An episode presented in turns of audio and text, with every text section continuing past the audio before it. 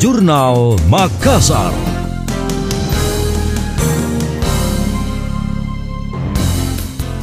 Sebanyak 15 camat langsung mendapat tugas khusus dari wali kota Dani Pemanto usai dilantik beberapa waktu yang lalu. Tugas tersebut berkaitan dengan konsolidasi dengan jajaran di bawahnya, seperti pada lurah dan RT RW di wilayah kerjanya masing-masing, termasuk merangkul semua pihak agar program pembangunan bisa berjalan.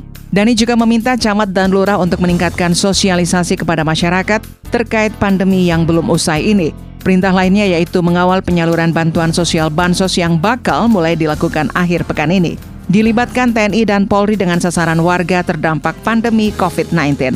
Yang pertama adalah tentunya e, mereka ini harus berkonsolidasi dengan seluruh unsur masyarakat. Kemudian yang kedua, langsung kasih lihat kerjanya.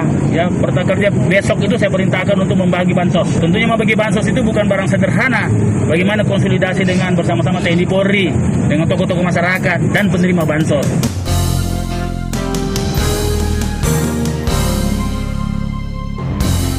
Lebih lanjut, Wali Kota Dani Pomanto menanggapi camat yang dilantik sebagian besar merupakan pejabat sebelumnya, sempat didomosi dan mendapat sanksi lantaran terlibat politik praktis.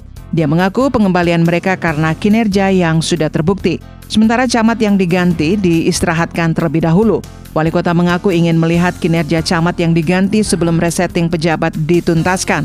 Targetnya rampung September 2021 mendatang.